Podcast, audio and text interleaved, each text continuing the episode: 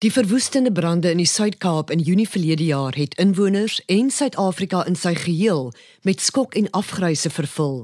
Sewe mense het omgekom en tussen 10 en 15000 hektaar grond het in die slag gebly. Hoewel die amptelike verslag daarop dui dat die hoofoorsaak mensgemaak was, kan daar nog nie met sekerheid gesê word hoe en waar die brande begin het nie. Die amptelike forensiese ondersoek het wel bevind dat die brande aangevuur is deur die droogte, topografie, sterk wind, ook bergwindtoestande en indringerplante. 'n Persoon wat tydens en na die ramp 'n reuse rol in redding en noodleniging gespeel het, is die hoof van rampbestuur in die Tuinroete distriksmunisipaliteit Gerard Otto.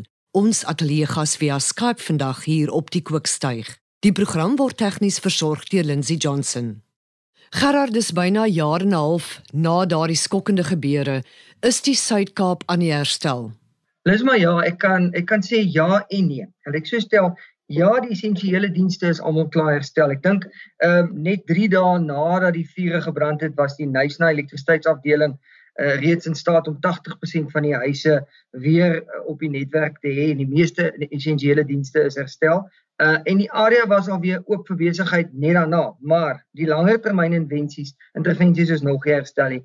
Jy moet daar's nog huise in aanbou hier en daar. Ek dink van die plekke sien jy nog die letsels van die brande.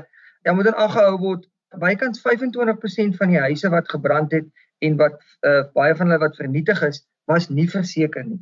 So ek dink dis 'n langer proses uh, om daai daai areas weer herstel te kry. Maar die totale hulp wat uh, gegee word vir die area is 86.3 miljoen rand. En vir die eerste keer en ek is nou al in die rampbestuur taak vir die laaste 25 jaar. Vir die eerste keer is daar vir omgewingsinfrastruktuur fondse beskikbaar gestel. Soveel as 54 miljoen van hierdie is vir omgewingsinfrastruktuur.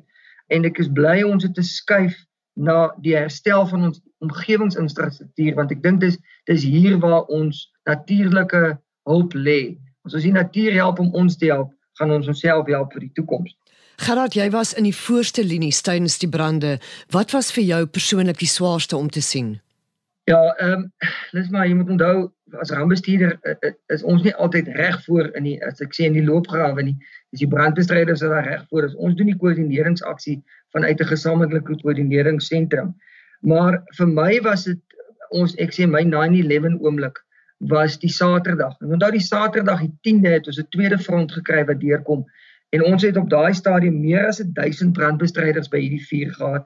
Behalwe vir vir die 1000 brandbestryders was daar van die weermag af 6 Oryx helikopters, 2 BK117s van die uh, working working for fire was daar vier helikopters beskikbaar. So alles wat ons kon mobiliseer was daar en nog steeds die Saterdag toe verloor ons sewe huise.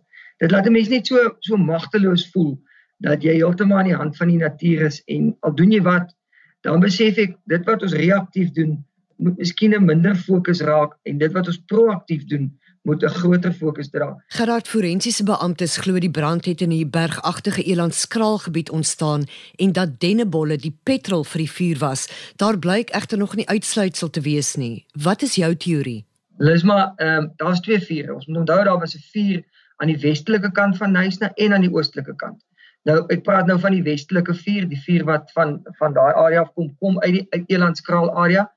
Ek wil nie my daarop uitlaat om te sê presies waar dit is nie. Ek wil maar net sê ek dink die WNR ondersoek is, is wetenskaplik bewys.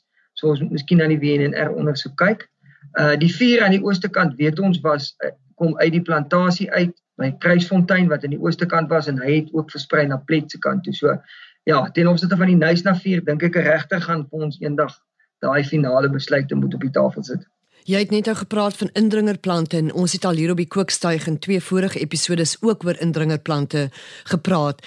Die plant laat onder meer brande vinniger versprei en brand ook warmer. Hoe groot rol het dit gespeel in hierdie brande wat so geweldig vinnig versprei het?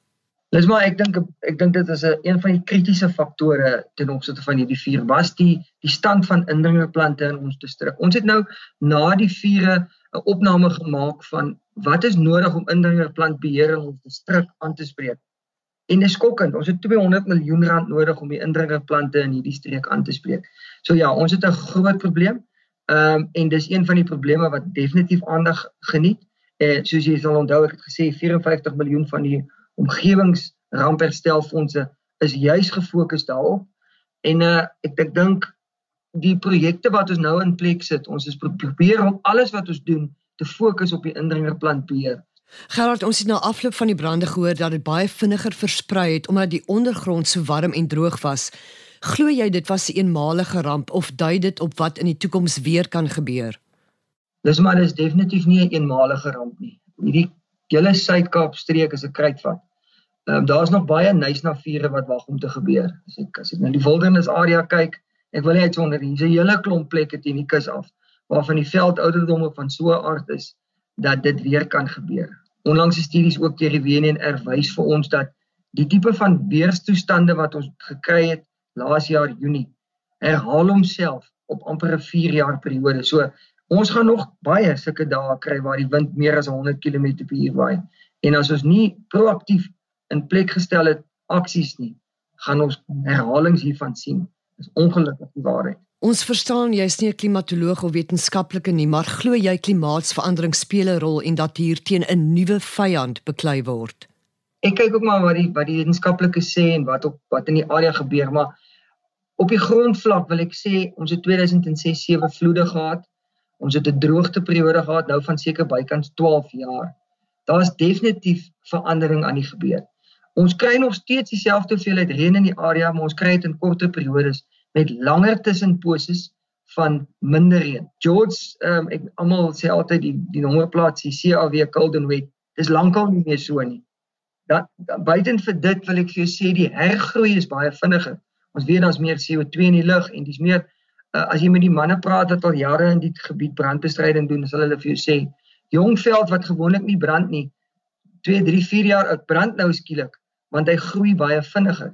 So klimaatsverandering speel 'n rol definitief want ons sien dit in die veld, ons sien dit in in ons natuurbos. In die verlede was natuurbos gesien as 'n natuurlike brandbuffer.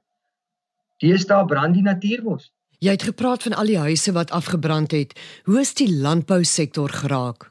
Ja, so wat 33 plase is is betrek in die ondersoek om te kyk na na hoe hulle geraak is in die omgewing. Meestal van hierdie plase het heininge verloor, uh, besproeiingstoerusting, van hulle het implemente verloor. Maar ongelukkig nou na die tyd wat ek nou kyk na wat toegeken word vir die landbousektor, is baie van hierdie versekerbaar. So dit word nie ingesluit in die na-ramp uh fondse nie. Die die die boere wat wat deur 'n periode gegaan het, onthou ons is in 'n droogte siklus voor hierdie vier en ons is nog steeds in 'n droogte siklus, is ook geïdentifiseer vir ondersteuning met ten opsigte van uh lucerne en dis meer vervoer vir hulle diere.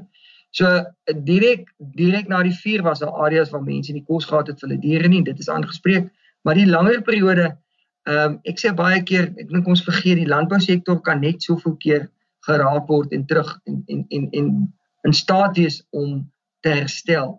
Jy bou miskien iets in vir een of twee gebeure, maar nie as dit soos in die area gaan jaar na jaar nie. Dan is dit 'n droogte, dan is dit 'n vloed, dan is dit diere wat vrek as gevolg van avian flu of wat ook al.